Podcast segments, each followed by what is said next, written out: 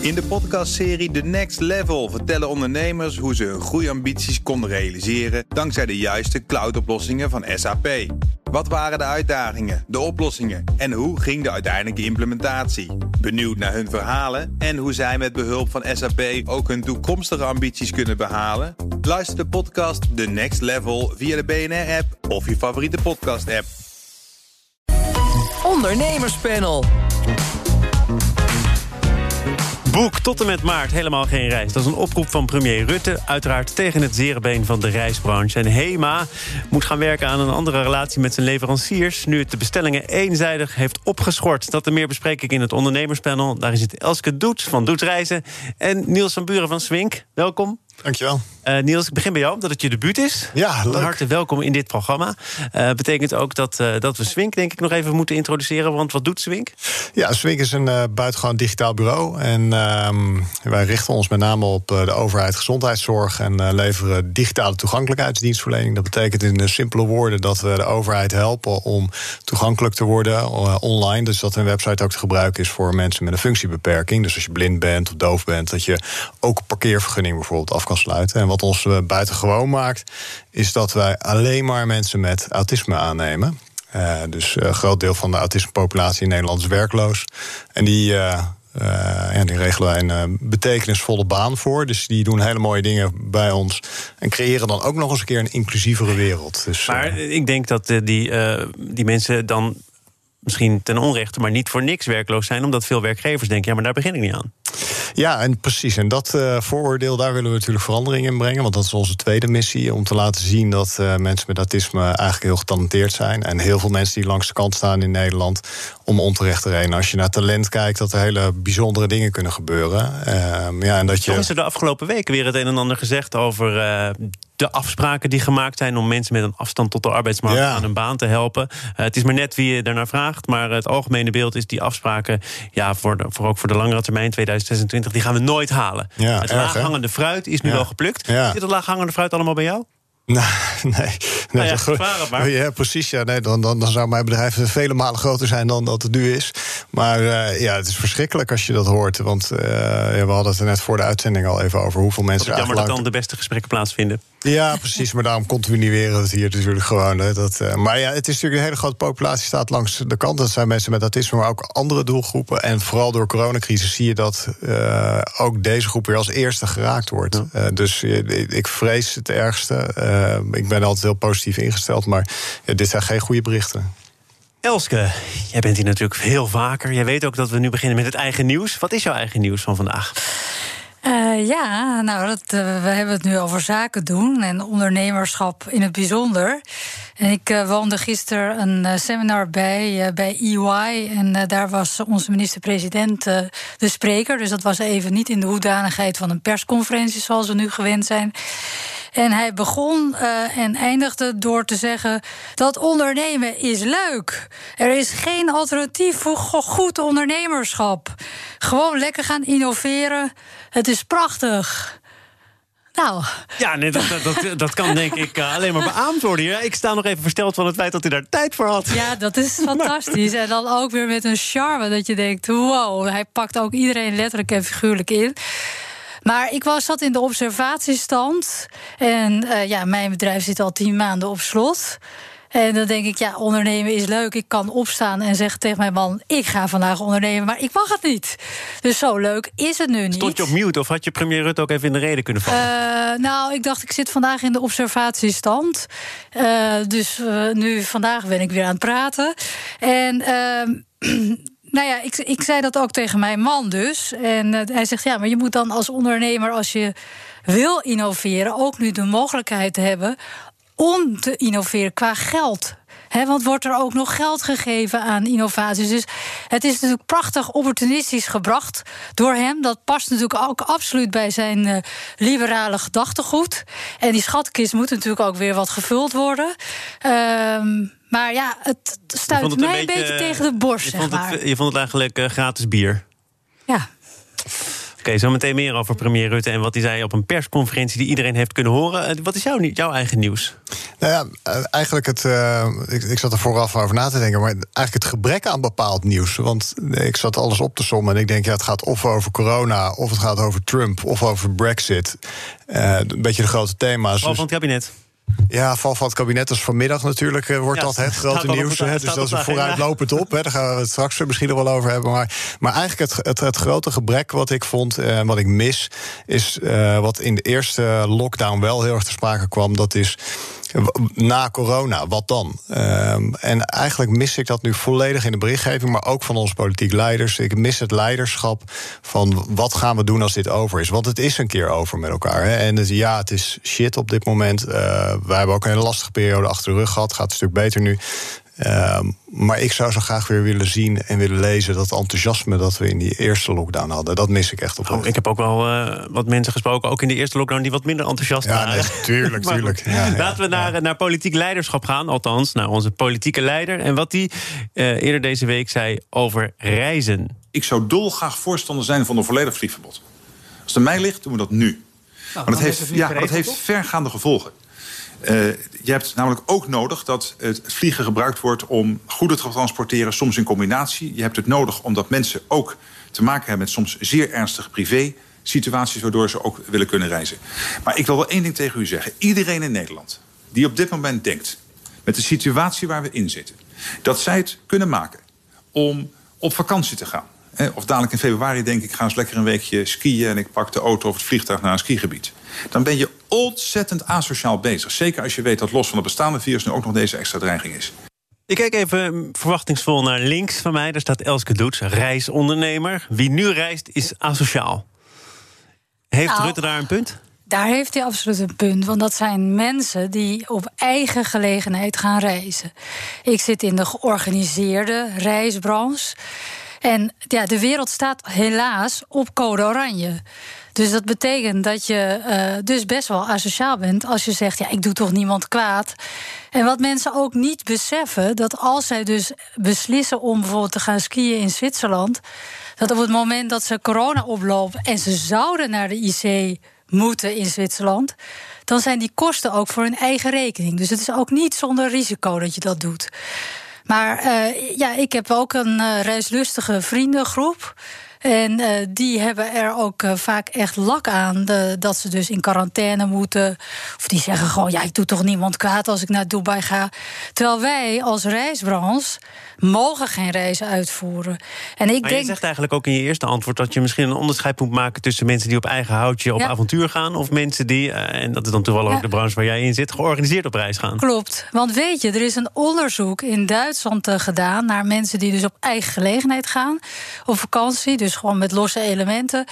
Uh, en mensen die dat dus georganiseerd doen. Dat dus die eerste groep uh, onevenredig vaker terugkomt met een coronabesmetting dan die tweede groep. Dus dat zou pleiten om veiliger op reis te gaan met een reisorganisatie. Ja, sorry, ik maak nu een soort reclame voor ja, onze branche. maar wij zitten, wij zitten natuurlijk wel enorm in een impasse, zeg maar, op dit moment. Maar zou je dan ook niet kunnen zeggen, ondanks de reclame die je net gemaakt hebt... oké, okay, het, het, het, is even Het is een anders. onderzoek, hè, Het is een onderzoek, nee, ja. nee, maar goed, uh, dat je zegt... Uh, uh, dat reizen vinden, vinden we belangrijk, vinden we prettig... is ook goed voor het mentaal welbevinden. Maar het kan nu even niet. Zo rampzalig hoeft dat toch niet te zijn? Nee, maar het probleem zit hem erin dat Rutte ook heeft gezegd... dat de mensen ook geen reizen mogen boeken na de periode van maart. Oh, en daar zit een grote schadelijkheid in. Uh, want ja, wij uh, zitten nu al tien maanden in een situatie dat wij niets kunnen, uh, grotendeels de reisbranche. En uh, dit is een periode, januari tot maart, waarin wij veel handel voor de zomer binnenhalen, ja. traditiegetrouw. Je zou kunnen zeggen, met het vaccinopkomst is dit het jaar van het perspectief, van het herstel. Maar zoals het nu wordt gecommuniceerd en zoals het nu gaat, ja, wordt het een jaar van deceptie. Mm -hmm. En dat is wel gevaarlijk, want ik hoop heel erg dat dit een interbellum is en niet iets definitiefs. Nee, nee. Niels, uh, even, even naar jouw eigen reisambities. Heb je die? Ja, volgens mij. Ja, wel, zeker. Heel, veel, heel reislustig, zeker. En uh, ik denk een jaar geleden, dat is mijn laatste reis geweest, Argentinië. Maar waar ik nou zo benieuwd naar ben, is dat het eerste wat jij zegt, dus die, die, die, die groep. Wat ik me nou afvraag, waarom kunnen we niet tegen die eerste groep zeggen: joh, je mag niet reizen. En uh, als je moet reizen, dan uh, moet je een, een soort comply or explain uh, toepassen. Want ik begrijp heel goed vanuit jouw branche dat je zegt van joh, we willen wel reizen kunnen blijven boeken. Daar ben ik helemaal mee eens. Want dat is voor na corona. Dat is ook leiderschap vooruit blijven kijken met elkaar, toch? Maar waarom kunnen we. Het is toch niet heel ingewikkeld om te zeggen, joh, je mag gewoon niet reizen. En als je wel moet, dan zijn dit de uitzonderingsregels. Kom maar met een briefje. Ja, een soort Chinees model. Dat je eigenlijk een visum moet halen. Dan kan je ook al die mensen op al die vluchten die dan noodzakelijk misschien inderdaad naar Londen nu moeten, kan je er ook uitsiften en dan kan je ook nog steeds die vracht blijven vliegen. Ja, maar kan dat niet of is, is dat onmogelijk? Of is dat... Ja, maar dat is iets wat vanuit de overheid moet komen. En zij willen dus niet die keuze maken. En wat ook best wel schadelijk is, dat het beeld van een volle vertrekhal. Hè, met kerst, al die mensen die naar Curaçao wilden gaan. Een groot deel gingen ook bijvoorbeeld op familiebezoek. Maar je krijgt gelijk een heel negatief beeld over die branche. Terwijl wij ons precies aan de regels houden. Ja. En dat is gewoon jammer. En dat helpt ook niet in de steun die wij wellicht extra, wellicht echt hard nodig hebben vanuit Den Haag. Overigens, goed om even te melden. Uh, jouw voorstel uh, is uh, voorgesteld ook door de SP. Die hebben dat vanochtend op BNR ook toegelicht. Hè. Dus oh, je mag eigenlijk goed. niet reizen... tenzij ja. je goed aangeeft waarom je dan wel reist. Um, Elske, briljant jij... voorstel van de SP. Briljant voorstel. Ja, had het zelf kunnen doen. Elske, je had het net over steun van de overheid... Ja. en in hoeverre die voldoet of niet. Um, jij hebt volgens mij in het verleden wel heel erg veel uitgesproken... tegen het voucherfonds of de voucherbank. Hè. Daar is ook veel Zeker, over te doen. Steeds. Nog steeds, ja, daarom vraag ik het je weer. Zodat je er even los kunt gaan. Wat is er eigenlijk mis mee? Uh, nou ja, kijk, dat voucherfonds is vorig jaar bedacht in maart met de, het gedachtegoed dat dit een kortdurende crisis zou zijn, misschien van enkele maanden. Uh, als je dus een reis had geboekt en je koos voor een voucher, geef je dat dus een volledig recht op terugbetaling. Uh, nu is die crisis dus langdurig. En uh, tussen de 6 en 12 maanden mogen mensen uh, geld terugvragen. Maar als er geen perspectief is, wat er dus nu al sinds september eigenlijk niet meer is, dan is er dus. want zo'n voucher geeft eigenlijk een recht op een nieuwe reis. Daarvoor is het primair uitgegeven. Maar nu is het enige wat wij kunnen doen, is dat geld terug gaan betalen. Ja, en dat is een hard gelach, zeg maar. Want dat geld is er niet. Nou, dat zal bij een hoop organisaties een probleem zijn. Er komt dus een voucherbank, maar die gaat ook pas april live met leven en welzijn, zeg maar, uh, van het SGR. Eh, dus dat betekent dat uh, al die mensen nog even geduld moeten hebben. En ik denk dat ze ook, ja, er wordt ook heel veel gespaard en zo. Dus ja, ze moeten echt nog even geduld hebben. Maar ik vind het een onding. Ik heb dus eigenlijk de meeste klanten van uh, Doets... die uh, hebben hun reis dus omgeboekt naar dit jaar... Uh, dus die hebben gewoon echt een volledige reis kant en klaar staan. Alleen de grote vraag is natuurlijk: kunnen we dat gaan uitvoeren? Dat zal ook nog wel even de vraag blijven. We gaan naar andere mensen die even geduld moeten hebben. Zaken doen. En dat doe ik samen met het ondernemerspanel. Daarin zit Elske Doets van Doetsreizen en Niels van Buren van Swink. En over mensen die geduld moeten hebben. We gaan het hebben over de HEMA. Trouw meldt dat het bedrijf eenzijdig bestellingen bij leveranciers opschort. Het bedrijf zegt uh, niet uit nood, maar de distributiecentra komen vol te liggen. En ook de betalingstermijn die wordt naar achteren geschoven... omdat er minder mensen bezig zijn met de administratie bij de HEMA. Ik zie jou heel bedenkelijk kijken. Ja, toen ik die, niet op de radio, maar ja, ja. even benoemd nou, Toen ik die laatste zin sneed, toen ik dat las van de administratie... Ik, ik, toen, daar begreep ik echt absoluut helemaal niks van. Ik begrijp als je in financiële problemen zit en je bent een grote organisatie. Ik bedoel, ik weet hoe het spel werkt. En je bent een kleine leverancier. Of dan ben je uiteindelijk ben je de pineut. Uh, los van of het chic is of niet. Maar met die smoes over de administratie. Ik denk er zijn zoveel grote bedrijven die alles online regelen. Zelfs alle grote banken. Zitten alle callcenter medewerkers volgens mij vanuit huis te bellen. Dat kunnen ze ook allemaal regelen. En ik heb dit heb ik nog nooit gehoord. Dus, uh... Dat is het tweede deel van het verhaal. Het eerste deel gaat over distributiecentra die vol zitten. Uh, dus dan kun je wel blijven bestellen bij je leveranciers. Maar je hebt simpelweg ook geen plek meer om dat dan ergens op te slaan. Is dat een, een goed verhaal? Ja, ja ik, ik moest eerlijk zeggen dat ik ook dat me verbaasde. Even dan echt een privé voorbeeld. Maar ik ben net acht maanden vader. En uh, als je acht maanden vader hebt, dan heb je voor je dochter wel eens rompertjes uh, nodig. Nou, waar bestel je die dan? Bij de HEMA, toch? Dat is toch Zeeman. de leverancier daarvoor? Oh, Elske ging naar de Zeeman.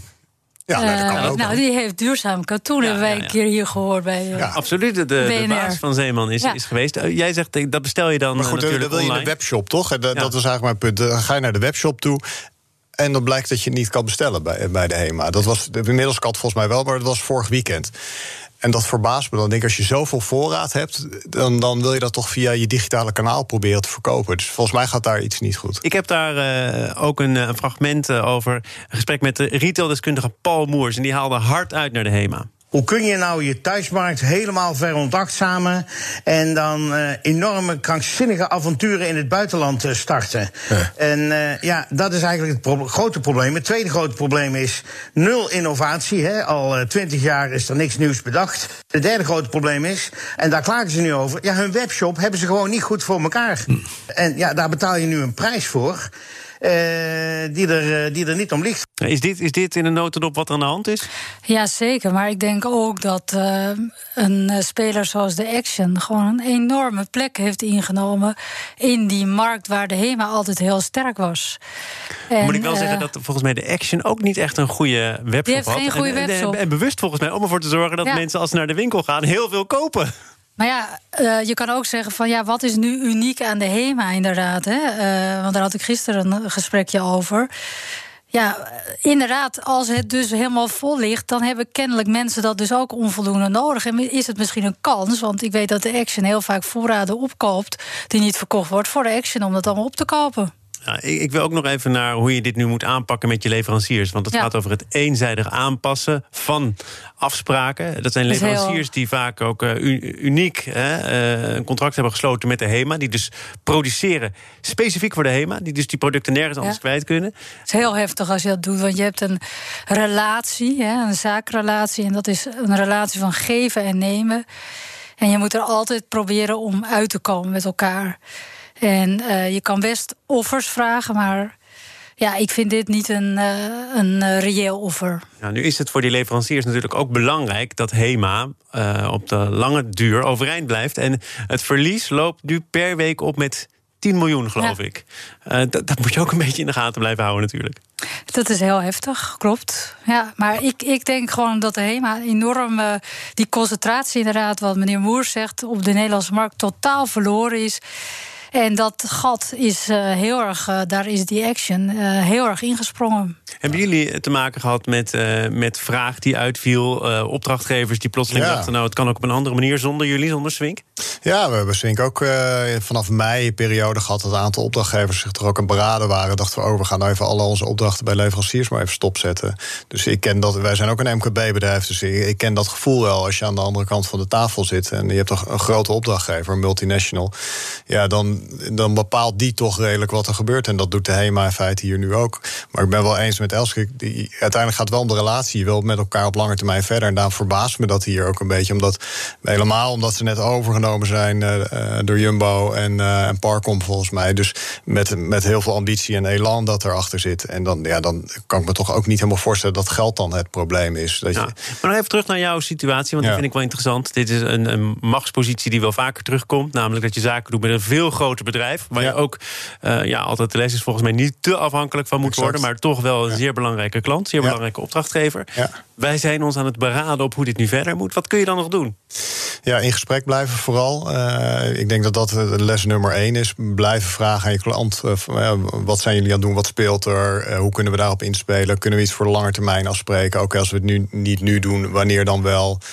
Als financiering een issue is, kun je daar misschien ook nog afspraken over maken, over betalingstermijnen. Maar is, is in dit geval de rekening bij jullie neergelegd? Werd het nee, een aantal probleem? opdrachten die zijn of gecanceld, of dus ja, dan wordt de rekening bij je neergelegd omdat je, uh, je het werk niet hebt. En een aantal opdrachten zijn doorgeschoven naar later in het jaar. Ja. En inmiddels pakt het wel weer redelijk goed op.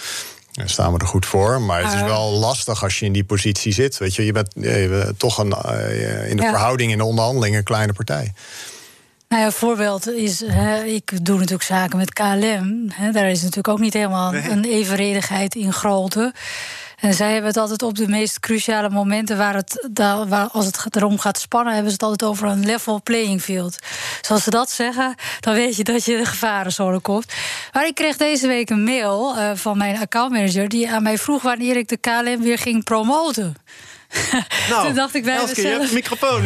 Ik denk, jeetje, ja, dat doe ik nu. Maar ik denk, jeetje, we kunnen helemaal niks. We mogen helemaal niks. Hoe zou, zou ik dat nu gaan promoten? Maar krijg je dat soort uh, vragen dus ja. uh, regelmatig... wanneer jij KLM weer gaat promoten? Dus dat is dan ook de macht die zij hebben. Want ja. ik ben dat contractueel overeengekomen. Oh, maar wat doe je dan aan promotie voor KLM in het algemeen? Uh, nou ja, dat je dan bijvoorbeeld in publicaties online, een nieuwsbrief, dat je ze meeneemt en zegt hoe mooi of de vliegtuigen radio, zijn. En, maar, en dat meen je ook allemaal zo te zien? Nou ja, nu vind ik dat natuurlijk heel erg discutabel. Ik heb het even naast me neergelegd, maar ik heb het nu wel al beantwoord eigenlijk. Ja, nou, de blauwe zwaan is weer genoemd. Maar dit is natuurlijk wel een van de ingewikkelde dingen. blij met me zijn. Ik vind dit, dit ook wel ingewikkeld, want jij benoemt het nu zo. Hè? Ik denk ja. dat heel veel MKB'ers, ja. en inclusief mezelf soms ook wel, ook geen namen willen noemen, omdat je er bang bent om die relatie ook te schaden. Hè? Dat ja. ook voor lange termijn. Dus ik vind dat heel dapper dat je dat zo, zo noemt. Maar ik denk dat heel veel dat ook niet doen. Nee, jij jij slikt nu ook heel veel in. Ja, ik neem net een slok water, dat klopt, ja. En nog even heel kort naar, uh, naar een thema dat al heel lang ook uh, hoog op alle agenda staat, namelijk uh, vaccineren. Staan ja. jullie zelf vooraan in de rij? Mocht je ja, aan de beurt zijn? Ja, verschillende redenen. Ik, ik, ben chronisch ziek, dus misschien dat ik wat eerder aan de beurt ben. Maar ehm, ik ga me zeker laten vaccineren, ja. ja. Ik ook. Ik wil weer graag reizen. En, en uh, vind je dat je als, uh, als werkgever ook een gesprek zou moeten kunnen voeren met werknemers om dat uh, wel of niet te doen? Ja, ik vind dat. Ja, wij, wij, hebben het erover met elkaar, maar net zoals, zoals je het met ieder ander, met vrienden of familie erover zou hebben. Ik vind het vanuit het werkgeverschap nog best wel lastig om te zeggen van je moet je laten, laten vaccineren. Of, dat ligt bij mij wel wat gevoelig, ja. Ja, ik heb even opgezocht wat de vaccinatiebereidheid is onder de Nederlanders. En die is dus 75% is bereid dat te doen, 8% niet en 17% weet het niet of twijfelt. Dus als ik dan dat bericht lees van uh, die beveiliger die dat dus wil uh, met een soort incentive zijn personeel wil uh, motiveren om dat te gaan doen, denk ik bij mezelf: waarom doet hij dat? doet hij dat om daarmee aandacht te krijgen? Want is dat nou een juiste prikkel die je moet geven? Ja, dat is inderdaad een uh, beveiligingsbedrijf dat uh, alle werknemers die het vaccin halen een bonus van 100 euro geeft. Ik weet de naam niet, dus ik kan ook geen promotie maken, maar we bespreken het hier wel. Nee, dus dat zou erachter kunnen zitten. Ja. Ja, en dat, dat zou jij, uh, dat, dat, daar moeten wij eigenlijk Als je van het goede, goede Ik vind het een verkeerde prikkel, zeg maar. Ja, maar als je van het goede uitgaat, dan, dan, dan, zal die misschien gedacht hebben: ik zit in de beveiliging altijd buiten en uh, of veel onderweg en zo, dus veel met mensen in aanraking.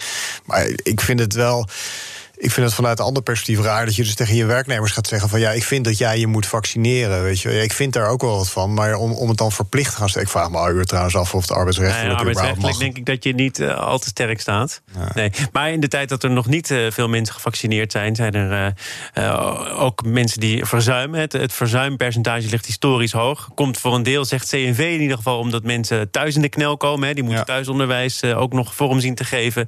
En die raken gestrest, die zien geen perspectief. Uh, CNV zegt nu er zou een calamiteitenfonds moeten komen, betaald door de overheid. Maar dat betekent dan wel dat je bijvoorbeeld extra vakantiedagen kunt opnemen. Um, en dat je dat dus ook met je werkgever zou moeten kunnen overleggen. Elske, ben jij daar voorstander van? Ja, ik, ik zie natuurlijk ook al die beelden op uh, tv van uh, mensen die met kinderen bezig zijn. Maar ik denk ook dat je even moet kijken van hoeveel kinderen zijn er nou in deze situatie en hoeveel gezinnen zijn er nu in deze situatie. Denk je dat het wel meevalt? Nou, dat, dat, kijk, het wordt natuurlijk heel erg op ons netvlies gedrukt. Maar volgens mij zijn er in Nederland meer mensen boven de 50 dan dat er kinderen zijn in een uh, lagere schoolgaande leeftijd, zeg maar. Dit is dus- wel de reden om, om die scholen natuurlijk uh, dicht te gooien. Hè? Ervoor ja. te zorgen dat al die daarmee... mensen die wat ouder zijn, hun ouders niet naar hun werk zouden gaan. Precies, daarmee breng je inderdaad mensen wel in een moeilijk pakket. Dat klopt. Um, maar goed. Uh, Ja. Wat denk jij hiervan? Voor jou is natuurlijk denk ik nog, eh, nog wat, wat verder kijken naar het moment dat, dat je kind naar de basisschool gaat. Ja, maar... Nee, maar goed, ik heb natuurlijk ook collega's met kinderen. En, uh, dus ja, het raakt ons ook. Hè. Dus ik heb ook een collega die, zit me, die moet thuis uh, lesgeven. Dat raakt haar. En, ja, dat, en heel zakelijk gezien betekent dat wat voor de productiviteit. Maar jouw vraag was: vind, vind je daar, dat daar ook weer steun voor moet komen? En ik merk gewoon dat mijn primaire reactie, dat is gevoelsmatig, maar dat ik denk van ja, moeten we daar dan ook weer steun voor? Weet je, er wordt al extreem veel gedaan. Misschien moet je selectief kijken, want in de zorg is het bijvoorbeeld heel belangrijk dat de bezettingsgraad daar op, uh, op orde blijft, dat je daar iets, maar dan nog, dan heb je niet zoveel aan financiële eh, incentives. Dus. Ik, mijn eerste reactie is: eh, volgens mij hoeft er niet een extra fonds voor te komen. Want wat wel grappig is, mijn team werkt natuurlijk nu ook thuis. En ik heb inderdaad ook natuurlijk mensen met kinderen. Uh, maar het ziekteverzuim onder mijn eh, team is sinds maart echt, uh, nou ja, historisch laag. Oh. Ja. ja. Zo kan het dus ook. Ja. Ja. Dit, uh, dit was het ondernemerspanel. Dat we dan toch nog enigszins optimistisch afsluiten met Elske Doets van Doets Reizen. En Niels, dat was jouw debuut. Wat vond je ervan? Ik vond het hartstikke goed. Ik vond het leuk. En uh, ik had gedacht, ja, misschien horen we nog wat uh, over het kabinet. Maar uh, dat is ja, wel nog even. Nou, wij laten jou ook wel weten wat we van jouw debuut vonden. Ja, ik hoor van ons. Ja. Niels van Buren van Swink. In de podcastserie The Next Level vertellen ondernemers hoe ze hun groeiambities konden realiseren dankzij de juiste cloudoplossingen van SAP. Wat waren de uitdagingen, de oplossingen en hoe ging de uiteindelijke implementatie? Benieuwd naar hun verhalen en hoe zij met behulp van SAP ook hun toekomstige ambities kunnen behalen? Luister de podcast The Next Level via de BNR-app of je favoriete podcast-app.